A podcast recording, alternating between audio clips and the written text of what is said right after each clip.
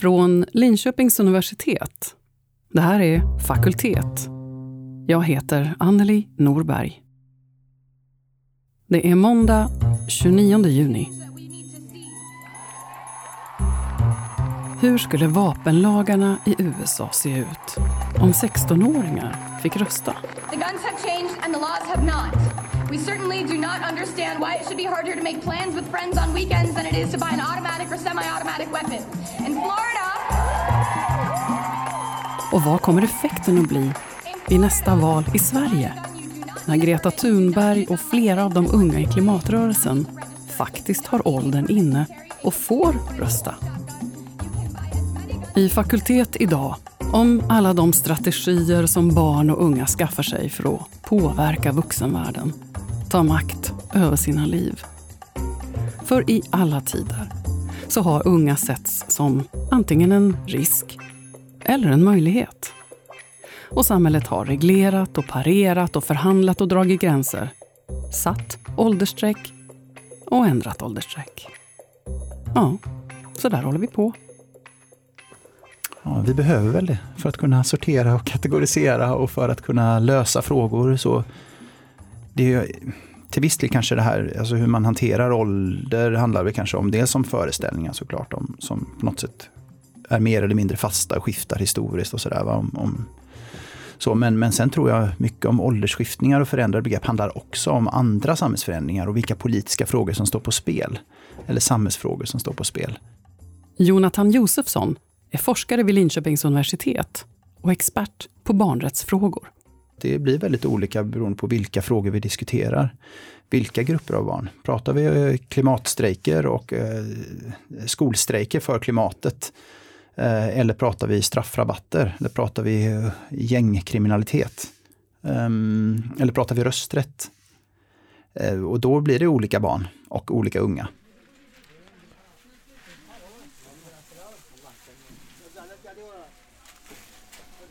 Jag blev vuxen ganska tidigt. Eftersom jag, eh, då, mina föräldrar förväntade sig att jag ska vara vuxen när jag var 15. Så eh, jag lärde mig att vara vuxen. Att eh, tänka på sig att ingen kan hjälpa dig, att ingen kan vara det. Starta dig nu i Sverige. Eh, det är du som ska leva ditt liv. Det är du som ska bestämma eh, allt. Jag lärde mig tidigt. När Ali Asimir fyllde 15 då förändrades hans liv totalt, nästan över en natt. Han är son till afghanska flyktingar i södra Iran. Och då, ja, då var han en charmig storebror, en ambitiös elev. Matte, fysik, det spelade inte så stor roll. Det mesta var lätt för honom. Och lägre betyg än A, det tyckte han var ett misslyckande. Ali jobbade extra i en klädaffär. Han spelade Dota och älskade sin mammas auberginegryta.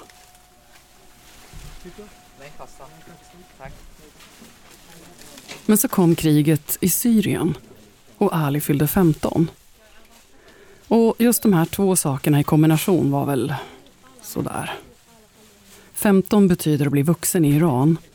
Och samtidigt så dammsög militären de afghanska familjerna på deras 15-åringar. Ali blev tvångsvärvad. Men hans föräldrar lyckades få ut honom. Satte honom i en bil mot Europa. Idag är han nyss fyllda 20. Han läser ekonomi på gymnasiet i Linköping. Han har tillfälligt uppehållstillstånd och han lagar själv auberginegryta. Eh, när jag var i Iran då hade jag alltid A i betyg. Men eh, när jag kom till Sverige, då hade jag bor, när jag började vara i vanlig skola, då fick jag F, F, F, F, F i alla eh, ämnen. Och då eh, först jag var jättestressad. Jag var så här, jag var jättebekymrad. Jag, jag hade jättebekymmer över eh, mitt liv. Jag var jätteledsen. Eh, och sen när min, eh, mina föräldrar frågade eh, hur går det där? Jag sa mm, sådär, sådär går det. Um, men sen eh, förstod jag att det är inte mitt fel. Det är ju språket som jag har svårt för. Och sen, eh, jag, jag är inte van med vad det, eh, utbildningar i Sverige. Jag har lärt mig vad det, att bli van med den äh, skolan som finns i Iran. Så jag kom överens med mig själv att även om du får E så är det inte konstigt. Att du kan bara förbättra dig varje dag. Jag kommer ihåg första dagen när jag fick vara, göra vara, min juridikprov och då fick jag vara I. E. Och sen hälften av klassen hade fått F. Jag sa oj, oj, oj. Eftersom jag såg att även svenskar har det svårt med juridik. Men nästa gång när jag var där, försökte vara när jag försökte, när jag riktigt var kämpade, när jag riktigt var frågade min lärare vad som, vad som gäller eller vad som krävs, då kunde jag få äh, höja min betyg till C. Jag märkte att jag var inte nervös längre. Mm. Då kände jag att ja, det jag gjorde, det gjorde något i mitt liv i alla fall. En annan åldersgräns som betydde mycket för Ali var 18. Då blev han vuxen i Sverige. Du vet, eh, när jag fyllde 18 år och jag, jag hade, varit hade, hade en sex eh, månaders uppehållstillstånd. Då fick jag inte bo längre på, eh, där jag kände mig trygg. De sa att de gav mig vattare bara tio dagar, bara tio dagar att flytta ut. Och jag, jag hade ingenstans att bo. Jag, jag kommer ihåg att jag sov tio dagar vattare på gatorna. Jag sov i parken. Även när jag hade uppehållstillstånd. Jag, jag visste inte vad jag skulle göra. Och hon sa att eh, politiker har, i kommunen har bestämt så. Jag kunde inte göra bättre. Även om jag kämpade. Det enda hon sa att eh, du har kont eh, kontakter. Kontakter? Jag, jag blev nyss 18. Vadå kontakter? Vem ska jag ringa? Kan jag bo, okay, okay, kan jag bo hos dig? Det, det, det går inte. De är, du vet, jag vet inte hur jag ska förklara men det där var katastrof.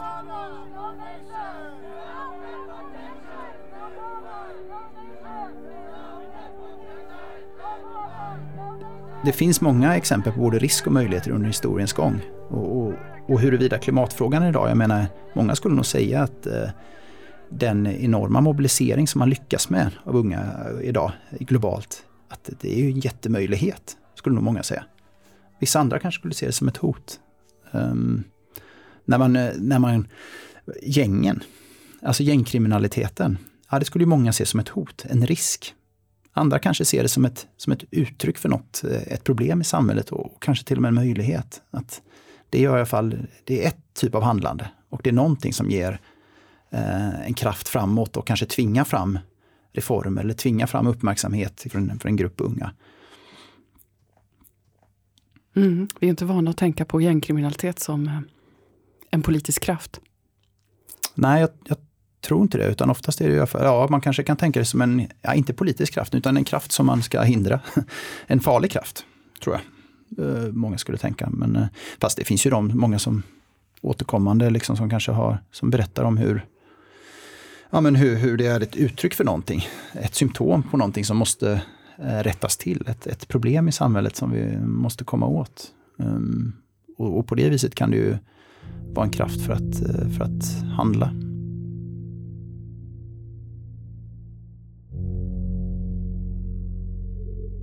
Jag gick helt enkelt ut när jag var 9-10 år. Många gånger, du vet. Och, varit och var borta flera dagar i sträck. Just för att jag trivdes inte där hemma.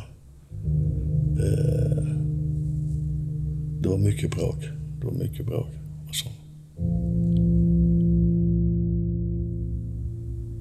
Alltså många gånger kände jag att jag var väldigt besviken, absolut.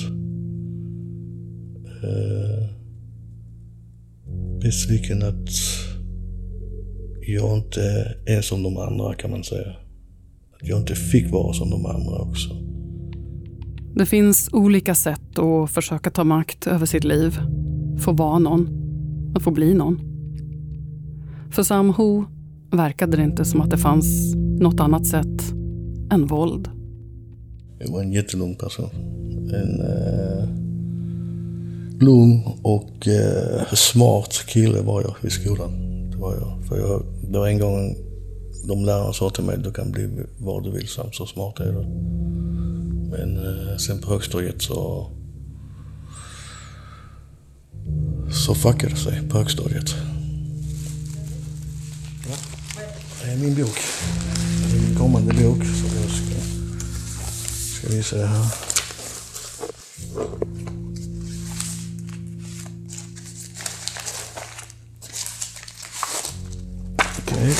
Och kapitel 1 då. Det är ett, missade jag. Började röka cannabis när jag var 13 år. Eh, sen var 14 började jag med piller redan. Tabletter. Och det eskalerade. Jag gjorde mitt första rån när jag var 16 år. Eh, där gick vi in på mycket också. Eh, det här med kärleken, engagemang och hur jag har haft det när jag var barn. Så att, eh, den livsstilen strävar man efter att vara högst på hierarki kan man säga. Va? Så att maktspelet där finns redan också, om man säger så. Man ska vara farligast. Folk ska vara rädda för en, om man säger så.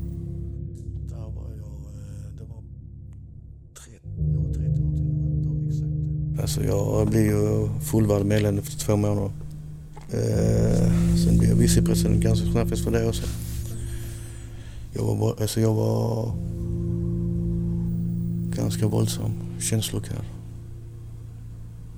Och eh, man kan säga att jag klarar mina uppdrag varje gång. Eh, jag ska visa dig, du kommer känna igen den. Du menar att det är en, det är, det är en dans på rosor att, att vara kriminell eller man, är man aldrig rädd, orolig, du vet, eh, finns inte de... Jag, menar, jag anser så här, ska man vara, vara, vara rädd så har man ingenting att i den kriminella världen att göra.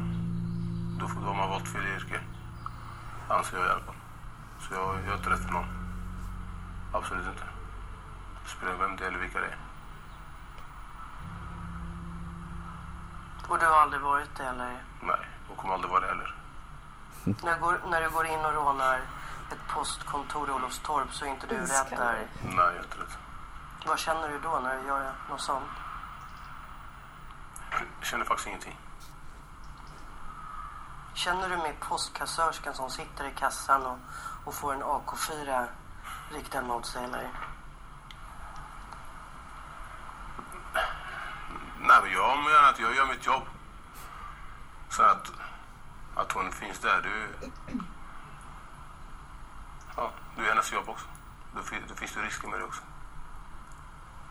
Men får du ångest liksom? Får du, får du ångest när du tänker på... Nej. Då skulle jag få ångest. Men då skulle jag inte gjort det, gjort det från början i så fall. Om jag känt ångest. Det gör jag inte. Där, där är skillnaden. Faktiskt, jag har jävligt mycket ångest idag om man säger så. Fortfarande, fortfarande om man säger så. Nu tänker jag mycket att det kan skada människor. Och jag tänker på konsekvenser. Då hade jag inget konsekvenstänkande heller om man säger så. Så att... Eh, nej, jag var iskall alltså då, på den tiden. Det, det är hemskt. Det var Therese Eriksson som hade träffat Sam, som idag jobbar med att hjälpa unga ut ur kriminalitet.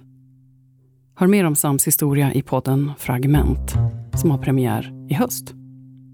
Klippet du hörde kommer från SVTs Uppdrag granskning, där Lina Makbul intervjuar Original Gangsters Dano Akar. Men nu tillbaka till Jonathan Josefsson handlar om straffrabatt idag eh, för unga 18 så står, det- så står det för en politisk fråga som är nära kopplat till hur vi nu diskuterar kriminalpolitik i, i Sverige. Det är också nära kopplat till de här narrativen om, om gängkriminalitet och eh, ungdomsbrottslighet och hur ska vi liksom utsatta områden, hur ska vi eh, komma åt det och visa handlingskraft politiskt. Och det är också kopplat till invandringsfrågan, immigrationsfrågan. Sen kan ålder i ett annat sammanhang vara något helt annat. Jag menar, skulle vi diskutera klimatfrågan här nu då? Och Greta till exempel, eller, eller de som gör strejker för, för klimatet nu eh, och vill sätta press på politikerna.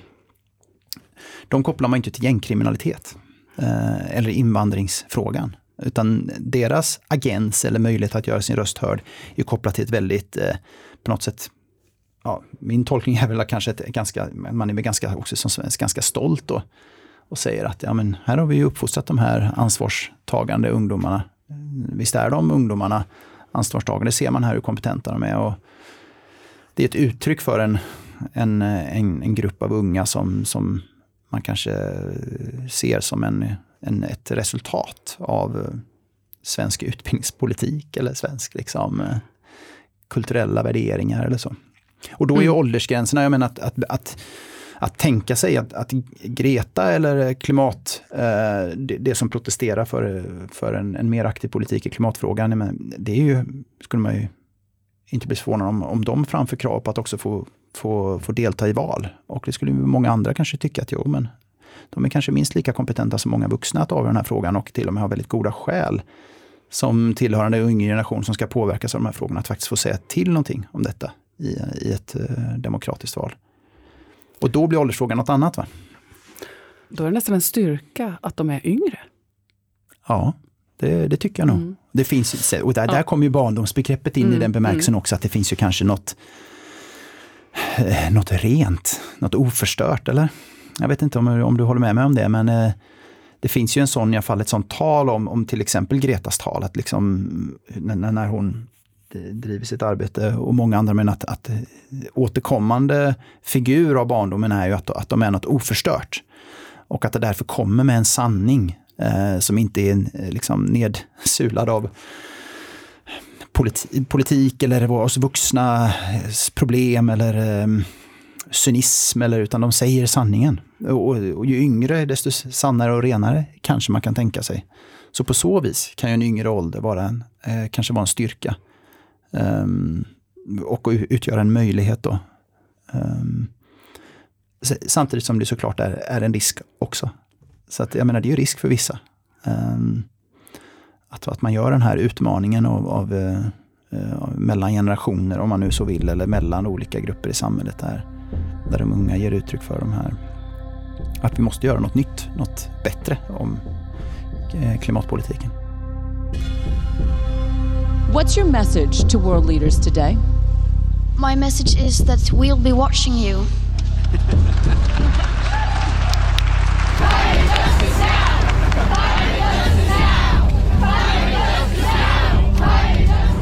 My name is Greta Thunberg and I am 15 years old. The youth United will never be divided. The youth, united, will never be divided. This is all wrong. I shouldn't be up here. I should be back in school on the other side of the ocean. Vill du berätta varför du sitter här? Eh, jag skolstrejkar för klimatet fram till valet. Yet you all come to us young people for hope. How dare you? Det är min moraliska skyldighet att göra vad jag kan. You have stolen my dreams and my childhood with your empty words. And yet I'm one of the lucky ones. Every Friday, as from now, we will sit outside the Swedish parliament until Sweden is in line with the Paris Agreement. People are suffering. People are dying. Entire ecosystems are collapsing. We are in the beginning of a mass extinction, and all you can talk about is money and fairy tales of eternal economic growth. How dare you!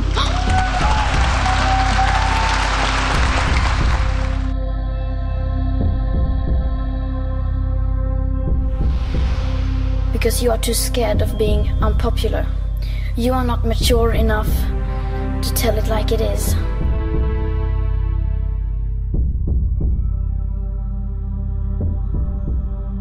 Ett av de mest cirkulerade talen här från New York tror jag på ett av FN-toppmötena där om, om klimatet. Um, just det här att ni borde skämmas. Och ofta, ofta hör man ju det här om att när vuxna blir barn då får- måste eh, barn ta över ledarskapet. Va? Ehm, man vänder på det, man är mer kompetent än vuxna. Och det faktum att, att Greta sitter där och talar till vuxna visar på en väldigt stark agens i det här fallet då, eller aktörskap, eller vad vi kanske betraktar som ett vuxet traditionellt aktörskap och handlande, alltså att kunna tala och göra. Eh, men samtidigt spelar hon ju med det här eh, oskuldsfulla barnet, nämligen att, eh, och, och skyddade barn, nämligen att I should be back in school. Alltså, det, är något sånt där hon säger, va? att jag borde inte vara här. Ni ska skämmas, jag borde vara i, skol och, få- i skolan och få vara en skyddad barndom. Samtidigt verkar det som att, att Greta själv verkligen vill det här. Hon, får, hon vill ge uttryck för sitt aktörskap och är i behov av det antagligen också för ja, hon tycker det, mänskligheten kräver detta och kanske för egen del också att hon möjligen mår bättre av det. Jag vet inte men Um, så det finns en dubbelhet. Att hon, man visar sitt aktörskap, man kräver eh, att ett aktörskap också, att man faktiskt ska få inflytande över politiken. Samtidigt så säger man att ni borde skämmas, för vi borde inte behöva göra det här. Och det är ju den här föreställningen om, om en, det är ju en ganska tradition, liksom, ja, men i någon mån västerländsk eh, föreställning kanske, att, att barndomen kanske ska vara, i alla fall nutida, präglad av liksom, kanske lek, av eh, att man ska vara skyddad, att man inte ska behöva bry sig. Det är liksom en modern barndom i den bemärkelsen att man um, men det finns en dubbelhet. Jag menar, vi, det är väldigt tydligt i läroplan i svensk skola och sådär eh, att, att vi vill ut, liksom utveckla ansvarstagande och, och, med ökad ålder så ska det också komma liksom ett ökat ansvarstagande och att man ska vara starka individer och, sådär. Så, så det, är, det är inte så enkelt att man bara ska vara skyddad. Men men det är ett tydligt drag i en modern eh, västerländsk eller svensk barndom att, att man ska få leka och att man ska få vara skyddad från den här från världens bekymmer på något sätt. Va? Jag såg själv, alltså jag insåg att vi syns inte, vi hörs inte. Om vi berättar till andra svenskar, de säger Men har ni så? När vi demonstrerade, vi såg inte att vi inspirerar någon annan. Det, det låter bara konstigt för alla. Eh, alla kom fram. Varför demonstrerar ni? Jag, jag, jag försökte vara förklara men det där var ju svårt för dem. De förstod inte vad vi säger. Alltså, inte bara förstår alltså, på det sättet att jag pratar inte bra svenska. På det sättet att de hade, hade inte förstått vår bakgrund. De inte förstått vad varför gör vi så. Mm. Och sen när vi försökte förklara, eh, de bara blev förvirrade. Alltså, de frågade mig såhär, men på riktigt, har ni haft så? jag, alltså, vad skulle jag säga? Men om jag skulle sagt ja, då skulle det vara konstigt för dem. Okej, okay men kan du berätta mer om det? Ja, Okej, okay, jag berättar mer, men ni bara blir mer förvirrade. Du vet Greta Thunberg, om, han, om hon hade varit demonstrerat eh, på samma sätt som vi gjorde, hon skulle inte lyckas.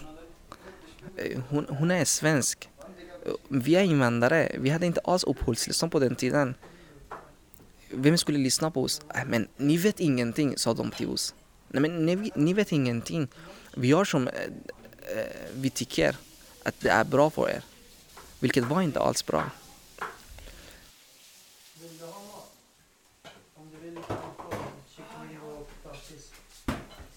Eh, jag bestämde mig att det, sluta med demonstration och sånt och istället det, försöka det, ändra framtiden. Inte för mig själv, för de andra. Därför jag valde ekonomi eftersom allt, politiker alltid bestämmer konstiga saker bara över ekonomi.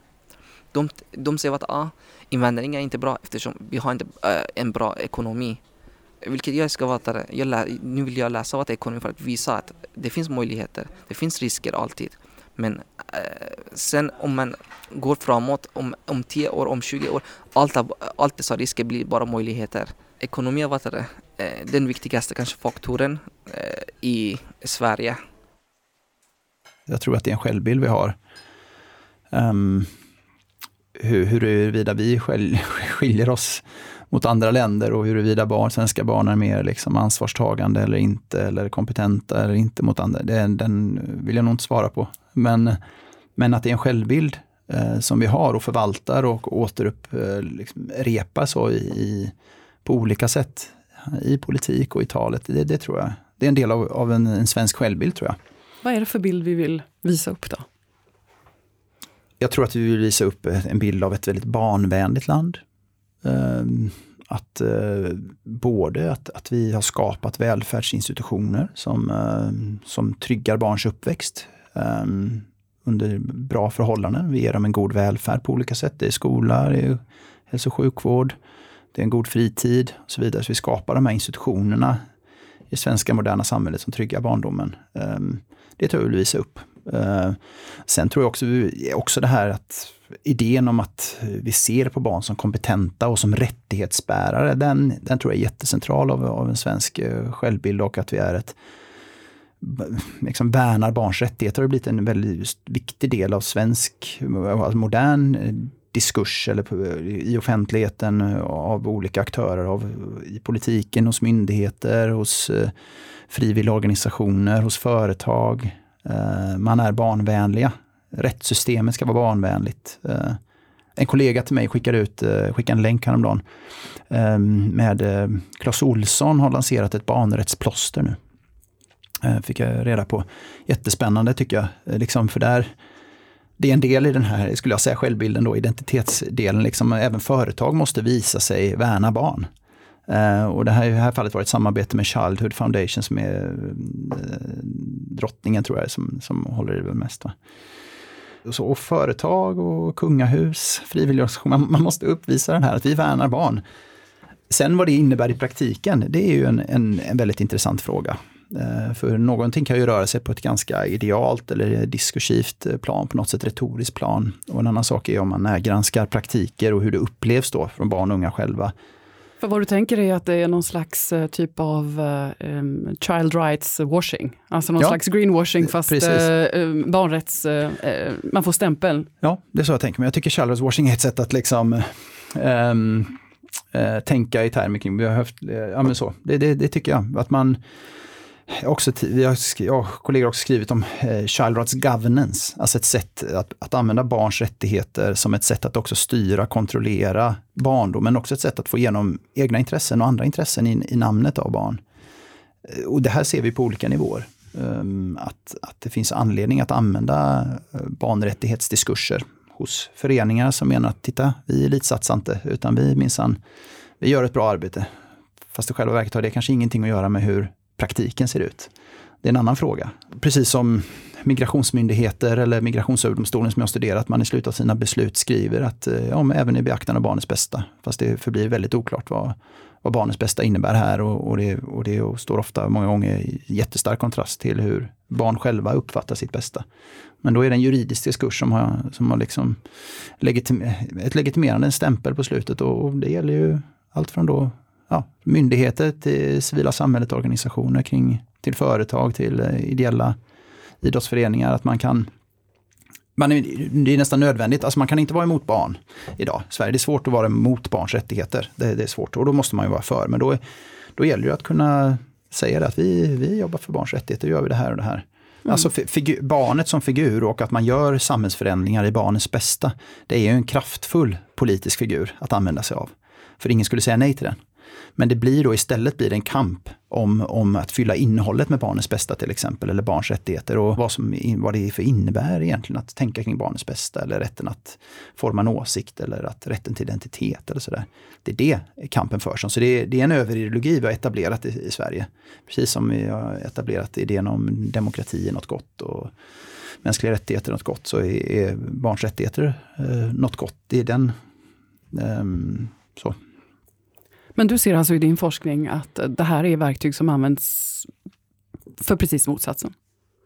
Ja, eller så här, man kan säga att det faktum att, eh, att man implementerar mer av barns rättigheter, eller säger sig göra det, är ingen garanti för att eh, barn upplever rättigheter eller faktiskt får tillgång till rättigheter. Och så, migrationspolitiken är väl ett ypperligt exempel. att Samtidigt som man har de sista då, fem åren arbetat hårt genom utredningar och, och, och regeringen drivit på för att vi ska inkorporera barnkonventionen som svensk lag. Eller ja, det är en ny rättslig variant på det där. Vi har ju haft barnkonventionen sedan 1990 i Sverige. Men ehm, um, samtidigt som man gör det, det har inte hindrat någonting från att föra en allt mer restriktiv politik i, på migrationsområdet. Särskilt riktat mot barn och unga. Man har det faktum att man tog bort humanitära omständigheter eller synnerliga omständigheter och, och gjorde om en, till en tillfällig lagstiftning vet, eh, ja, är ju forskare rätt eniga om och tror jag även Migrationsverket inte skulle tveka på att säga att ja, men, eller myndigheter att ja men det här är ju, undergräver ju såklart tillgången till grundläggande rättigheter. Så, då, så plötsligt blir det då att ja visst,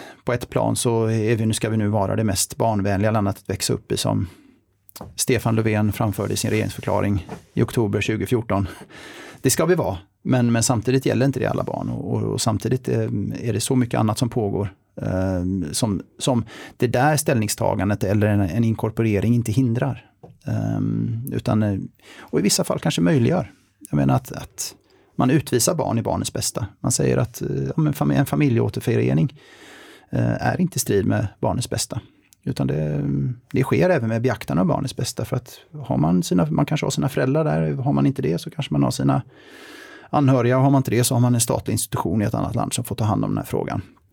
Även om barnet kanske själv då skulle säga att oh, men mitt, mitt bästa är ju att få tillgång till grundläggande utbildning här nu och, och mina kompisar som jag har känt här i fyra år. Eller um, att jag är på väg att få ett jobb här som 16-åring eller, eller vad det kan vara. Eller 17-åring. Så att på så vis kan ju även barnets bästa fungera som faktiskt eh, rakt emot. Alltså att man, man eh, genom att på en, i en överideologi säga att man är för barns rättigheter eller i ett rättsligt utlåtande säga att det här inte strider med barnets bästa.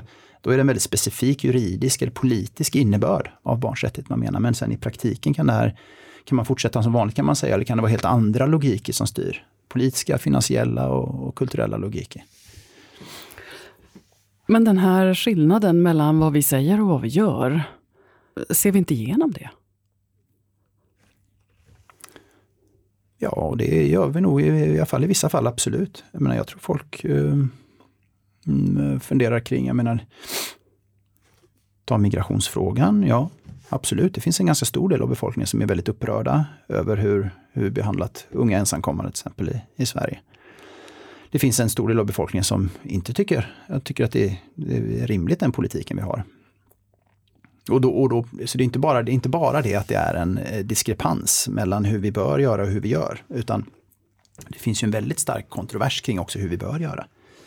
Det är inte så att det är enkelt att vi bara kan överbrygga det här gapet, utan snarare är ju gapet, diskrepansen som du kanske är ute efter, är ju ett uttryck för spänningar mellan olika intressen. Till exempel mellan universella rättigheter å ena sidan tillskrivna till barnet och kanske nationella intressen att kontrollera Eh, migrationen.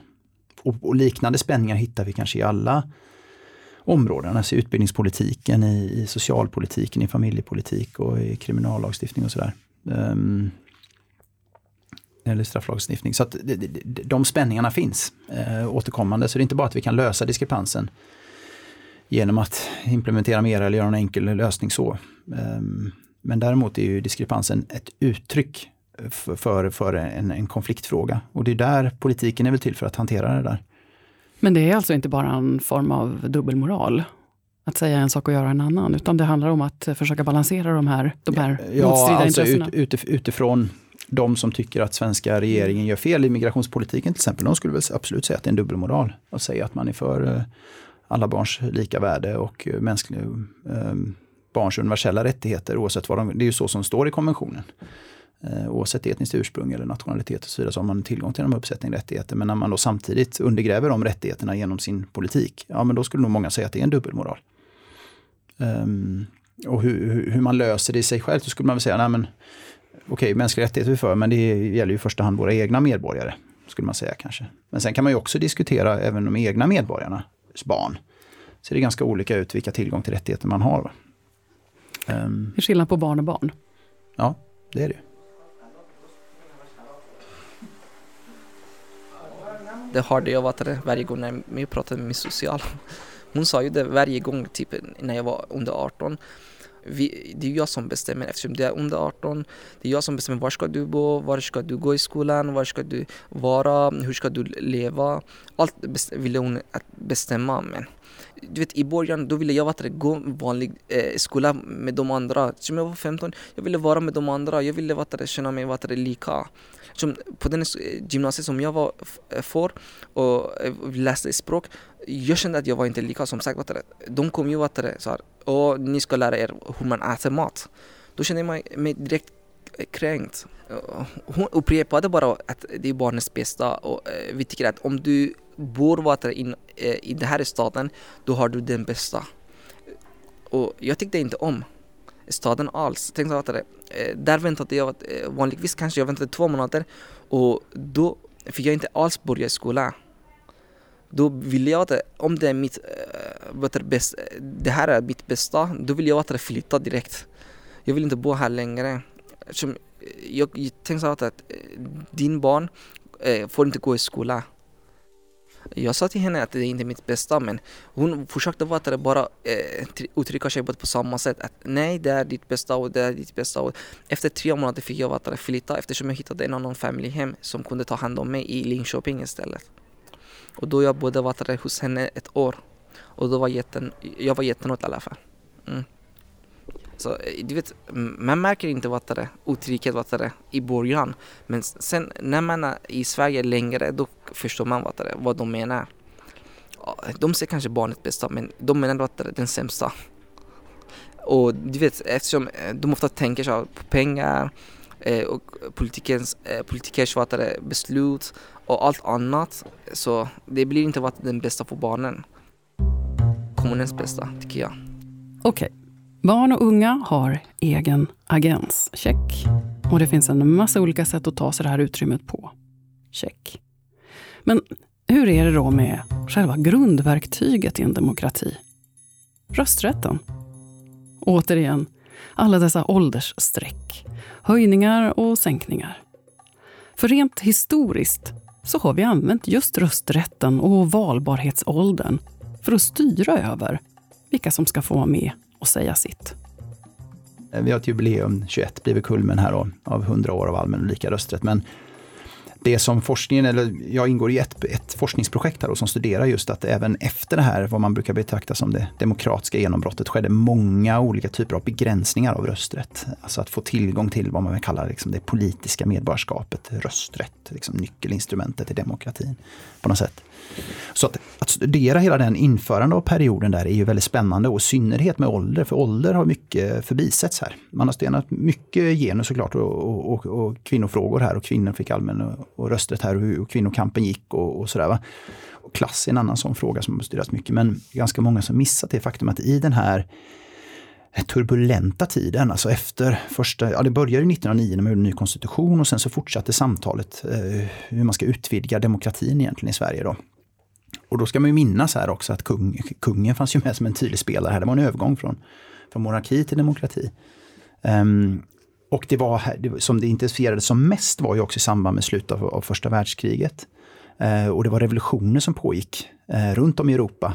Det fanns ett tydligt, eh, liksom en, en överhändande risk att det här skulle liksom övergången från monarki egentligen då till en, en fungerande demokrati skulle sluta i revolution istället. Och det fanns som en sån oro, en bakgrund som låg och pressade på Ett där. hot. Mm. Ja, det skulle jag säga. Och då var ju också unga här i det här sammanhanget som jag kommer komma till här nu. De var ju på något sätt, manifesterade ju det här hotet genom att vara ganska stor demografisk grupp i städerna eh, som ofta tenderar att vara till vänster. Eh, vad då marxister på den tiden skulle se som en herr Spångberg i riksdagen eh, eh motionerade ihärdigt under 20-talet kan jag säga. Eh, om hur, vilken vitalitet ungdomen hade här. Eh, vilka möjligheter, vilken potentiell, potential ungdomen hade genom att vi borde sänka rösträtten ytterligare. Precis som man menar Socialdemokraterna tyckt tidigare, innan de ingick det här bundsförvanten med konservativa och liberaler och, och kungen kanske. Men var det för att dra Ehm. undan mattan då för det här hotet eller? Ja, alltså Spångberg, han såg ju möjlighet med ungdomen. Men för de konservativa, för kungen, för liberalerna också eh, och också Socialdemokraterna så var det snarare en risk. Va? skulle ju kunna bli en revolution här. Ehm, och det ville man inte ha. Man ville ha en ordnad övergång och skjuta på de här frågorna om att sänka åldern. Så att vad man gjorde då 1909 till 1921 om man tar i korthet, det var att i den här kohandeln och, och i det här intensiva förhandlandet eh, så var det de unga som till slut fick egentligen, eh, det, det, var, det var den i överenskommelsen så gick, eh, gick då kan man säga socialdemokrater och även liberaler ehm, med på eh, kraven att, från de konservativa framför allt att höja rösträtten. Så man höjde alltså rösträtten då från 1909 vart 21 år upp till 24 och 23 år till eh, eh, andra kammaren och kommunerna och sen till 27 år till första kammaren. Det var ganska många år man höjde åldersgränsen. Alltså. Och för oss kanske det skulle tänkas lite märkligt att man idag skulle ha 27 år. Eh, och det man gjorde då var att man exkluderade ungefär 600 000 personer eh, vid den här tiden från att rösta. 10 procent av Sveriges befolkning.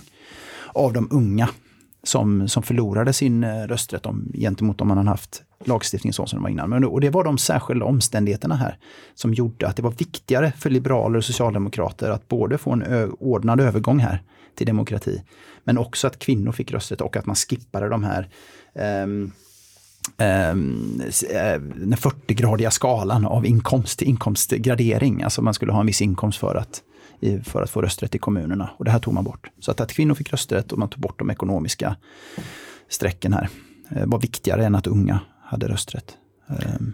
Och, och, det där var liksom en tydlig och uppenbar liksom förhandling. Alltså för att kvinnor ska få rösträtt så krävs att vi tar bort rösträtten från några andra.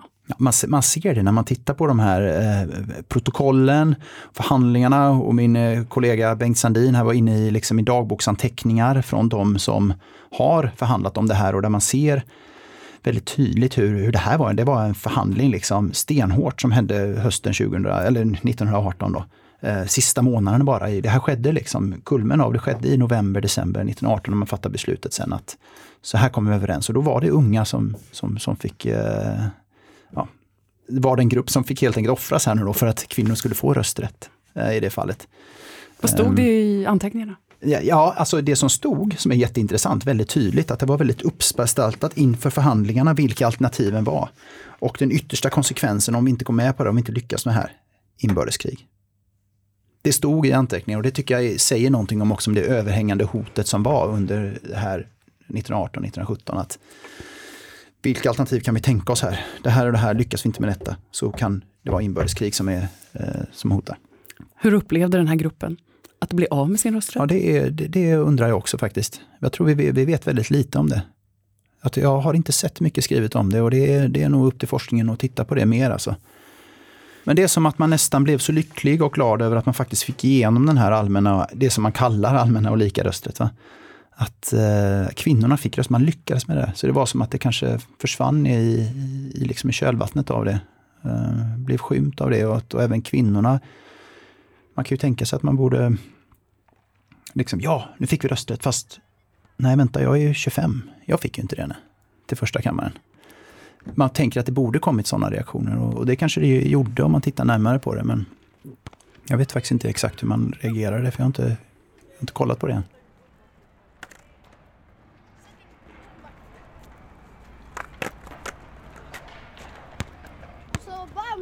Idag då? Är 18 år en given ålder? Varför inte 21? Eller 20? Eller varför inte 16? Rosalind Marbina är ordförande för LSU, Sveriges ungdomsorganisation, som samlar nästan 700 000 unga i olika organisationer. Och för henne är 16 en fullt rimlig gräns. Vi har satt gränsen vid 16 av många här, pragmatiska anledningar. det finns ju olika resonemang. Liksom. Varför ska det finnas en gräns? ska det vara 15 istället? Ska det vara... Eh, eh, och så vidare. Men vi har gjort det för att det är många andra länder också som eh, Österrike, Argentina. Men det är många andra länder runt om i världen, Estland, som sänkt eh, rösträttsåldern eller testat till 16 år. Även Norge gjorde det eh, för några år sedan i, i då test, eh, test i kommuner. Då. Eh, och även Europaparlamentet föreslår rösträtt vid 16 års ålder. Så då har vi liksom, okej, okay, men vi ser en, en, en rörelse i världen som, som, som eh, eh arbetar för att sänka den till 16 och då tänker vi att Sverige eh, måste vara med i den. Men Sverige tycker jag, om vi kollar på kvinnors rösträtt, vi är ganska sena i med att ge rösträtt. Vi är bra på många andra sätt när det kommer till rättigheter men rösträtt är vi oftast efter eh, och det förvånar mig eh, inte om det blir samma sak igen men jag kommer inte tillåta det. vi, vi måste arbeta för att barn och unga, de som är i ungdomsrörelsen, de som är i klimatrörelsen. Tänk om alla, alla barnen fick rösta om sin egna framtid och sin egna eh, samtid också. En jord vi lånar från barn själva. Just nu är det inte så utan man är bara mottagare. Vad skulle skillnaden bli tror du? Jag tror att vi skulle ha en värld som, som, eh, som bryr sig om vår jord, som bryr sig om medmänniskor. Jag tror eh, eh jorden lånar vi ju ändå från våra barn så det finns ett annat ansvar på något sätt. Eh, jag tror att det, det eh, jag tror också att politik, det demokratiska underskottet generellt skulle minska och demokratin skulle stärkas av att flera medborgare och invånare i Sverige får möjlighet att, att eh, forma politiken och politiker ser barn och unga på ett annat sätt eh, och formar politik efter dem. För nu det är som att liksom, ut, det, det, är att utesluta stora grupper med enorma behov, liksom med, med eh, en, en, både liksom psykisk ohälsa som ökar, klimatfrågan, eh, ett krympande demokratiskt utrymme, så många, många olika utmaningar vi står för. Nu också med Corona som inte förbättrar läget utan på alla sätt försämrar och en eventuell finanskris efter. Eh, då måste vi barn och unga kunna alla möjligheter att påverka eh, vår framtid för att också kunna liksom, eh, ja, men, eh, gör, säkerställa att de generationerna efter oss har det bättre än det vi har nu. Men krävs det rösträtt för det? Absolut. Varför har vi en demokrati annars? en representativ demokrati. Det behövs det. Det måste vi tro på att det behövs. Eh, annars finns det ingen poäng att rösta överhuvudtaget. Det verkar ju politiskt verkar det vara en ganska död fråga, tycker jag. Och det är ju något intressant då att vi, det finns andra länder, till exempel i Sydamerika och ett par europeiska länder och även kommunal, lokala val runt om i världen där man har sänkt till 16 till exempel, så har ju Sverige inte gjort detta. Och det till trots att vi, som vi sa tidigare, är väldigt stolta över våra kompetenta unga här. Va? Vi har fostrat dem till ansvarsångest och vi har ett barnrättsland. Va? Så vi vill vara en sån stormakt i barnrättsfrågor och då kan man fundera på varför det inte slått igenom i rösträttsfrågan i Sverige. Eh, trots att vi har haft förslag, alltså vetenskapligt finns det rätt mycket goda filosofiska argument till exempel gjorda och forskning som skulle stödja en sån, stödja en sån sänkning. Eh, och det finns motionärer i riksdagen som, som har föreslått det här. Det finns ungdomsförbund som har drivit de här frågorna sedan 70-talet men ändå och Demokratiutredningen som kom för några år sedan föreslog ju sänkning av rösträttsåldern i, lokal, i kommunala val. Man skulle ha en försöksverksamhet och det har fortfarande inte hänt utan man på liknande sätt som tidigare kanske hänvisar man att nej men det här är en större fråga, vi skjuter det på framtiden, då måste vi, det påverkar så många andra frågor så vi kan inte ta i det nu. Va? Det är inte en icke-fråga hos barnrättsaktörer skulle jag säga. Eh, men det är en icke-fråga hos de som har makten att förändra det här. Eh, vilket är eh, som sagt, vi återigen påvisar på vårt demokratiska underskott. Det är liksom ett tema för hela det här känner jag, har upprepat typ tio gånger. Men det är vad det handlar om, ett demokratiskt underskott där alla medborgare inte får delta på lika villkor i, i det viktigaste, som alltså den representativa demokratin. Eh, men ja, eh, så barnrättsaktörer driver det här och vi måste samlas, eh, vi måste samlas för att driva det här mer eh, och jag hoppas som sagt liksom inför 100-årsfirandet att vi, vi kommer kunna mobilisera ytterligare eh, i det här. Att öppna upp vår konstitution och att partierna måste lyssna på oss. Eh, men frågan är ju liksom, det blir ju ett moment 22. Hur, hur lyssnar man på dem som inte har en röst? Eller hur? Då måste vi alliera allierade. Eh, så det, det, är en utmaning men vi, vi, vi stannar inte där utan eh, de största vinsterna eh, skapas där det är svårast. Det tänker jag att andra rösträttsrörelser har visat på. Och varför ska den här vara annorlunda? Hur bemöts ni då av olika partier och i utskotten och så? Antingen med ärlighet, att det inte är en prioriterad fråga, eller eh, att de tar det med sig, eh, vilket innebär att det liksom är en bortprioriterad fråga också, eh, som antingen har förhandlats bort eh, eller så läggs det tillbaks på oss, så här, men ni måste göra någonting. Eh, och det gör vi ju redan. Eh, eh, jag vet inte vad mer man kan eh, visa liksom. det är att liksom eh, lägga ansvaret någon annanstans. Återigen, det är inte det, vi, vi, kan skapa uppmärksamhet kring en fråga, vi kan driva den, vi kan sätta den på dagordningen och, och visa, redovisa argument. Men de som faktiskt öppnar upp eh, konstitutionen och grundlagarna är eh, de i makt i offentlig sektor på nationell nivå. Eh, och det är också därför vi driver också röstre, alltså sänkt eh, valbarhetsålder så fler barn och unga ska komma in i de organen.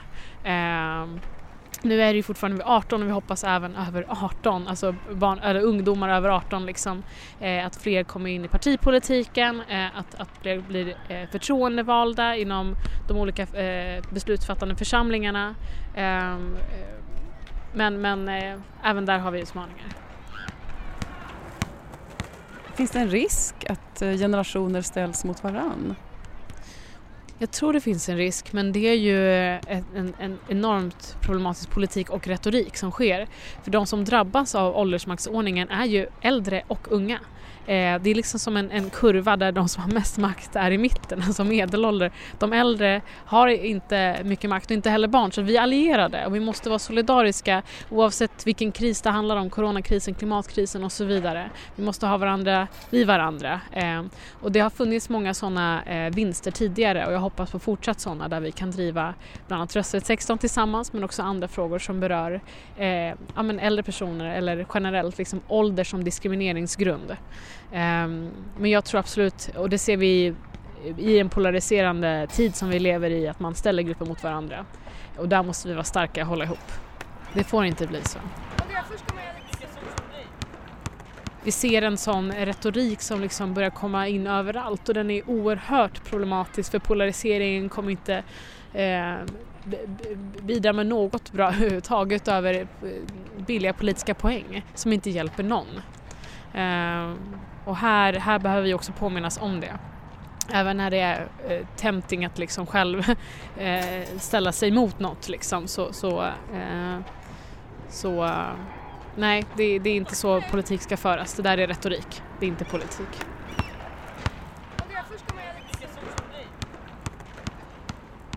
Jag tror kritiken, jag menar eh, eh, kritik eller närgranskning av skillnader mellan retorik och eh, praktik eller utfall av politik. Liksom. Det, det, tror jag alla gånger påverkar självbilden till viss del i alla fall. Um, men det är också var kritiken framförs, på vilket sätt och i vilka sammanhang som avgör huruvida den får effekt eller inte. tror jag. Men det tåls ju, tåls ju att, att uppmärksamma jag menar, den här typen av frågor. Ehm, jag var, ju en, jag var till exempel en av de forskarna från, från Linköpings universitet som, var, som avstyrkte förslaget att inkorporera barnkonventionen som svensk lag. Ehm, vi skrev ju remiss från Linköpings universitet och vi var inte de enda men, men eh, det väcktes ju av många frågor. Folk bara, är du, man får den här liksom...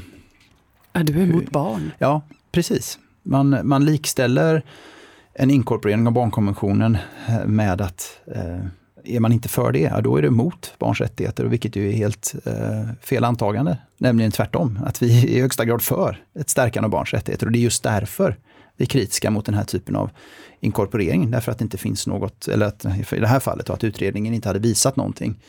Um, uh, varför den skulle faktiskt innebära en verklig förändring för barn och unga. Utan snarare handlar om en, ett, ett, på ett symboliskt plan och ett politiskt retoriskt uh, plan. Vi ställer oss kritiska att det är det här man ska göra då. Utan då är ju vårt förslag snarare att man ska ha mer riktade åtgärder åt de problemen som faktiskt finns. Eh, I mitt fall har jag sysslat mycket med migrationsfrågor och, och barn och unga där. Och, ja, det finns en rad åtgärder av finansiell karaktär och byråkratisk karaktär, av politisk karaktär som man kan göra. Alltså hur arbetar Migrationsverket med sina beslut och kvaliteten i sina beslut? Hur, hur ser lagstiftningen ut mer precis? Till exempel kan vi skärpa skrivningar i lagstiftningen? Alltså olika typer av instrument, politiska, juridiska och ekonomiska instrument som kan vara mycket mer exakta verktyg än den här typen av generella åtgärder. Det är väl det vi har framhävt. Och då, men det möts ju av en, för i och med att vi är inne i den här överideologin, att vi likställer en barnkonvention med barns rättigheter. När det är själva verket så att barnkonventionen är ju ett dokument som kom då på slutet av 80-talet eh, och som har blivit influerat väldigt mycket av vårt tänkande och hur, hur vi utformar system och institutioner för barn och unga. Så där. I alla fall i, på ett plan. Men barns rättigheter kan vara så mycket mer än det som står i konventionen, än de artiklarna som står i konventionerna. Och framförallt när konventionerna omvätts i en praktik och de här överföringarna transformeringarna sker ner i en socialtjänst, ner på ett klassrum eller ner på ett beslutsfattarnivå när man ska fatta väldigt massa beslut med Migrationsverket på kort tid. Vad får då det för betydelse i verkligheten? Och det är därför vi är kritiska till att den här, eller i vårt remissvar var väldigt kritiska till varför, varför göra den här? Varför lägga så mycket tid och energi på det här? När det själva verket är andra åtgärder som kan vara mycket mer effektiva. Vad får det för effekt tror du? Ja, en effekt är, ser, ju, ser ju vi som eh, institution, som Tema Barn är på. Vi får ju frågor, ganska mycket frågor från myndigheter. Eh, myndighetspersonal, tjänstemän, professionella som frågar vad innebär det här? Vad kan det här innebära? Nu kommer det direktiv uppifrån att vi måste eh, kunna förklara oss hur vi handskas med det här att den har blivit inkorporerad. Vad innebär att den inkorporeras? Hur kan vi utveckla kompetens? Så det kommer mycket sådana frågor. Och jag tror att det kanske också är så man ska försöka utnyttja det. Um, att använda det som en, kanske en hävstång för att eh, faktiskt komma, om man nu i socialtjänsten har frågor man brottas med, att säga det, okej, okay, nu har vi faktiskt eh, och vända sig till, till eh, makthavare, eh, kommunpolitiker eller eh, riksdagspolitiker och säga att ja, men här har vi ett problem och vi har nu inkorporerat barnkonventionen. Om man nu menar allvar med detta, bör vi då inte göra så här och så här och så här? Men huruvida detta får en verklig effekt för barns rättigheter i en praktik så att säga, eller deras upplevda levda rättigheter. Det, det återstår att se.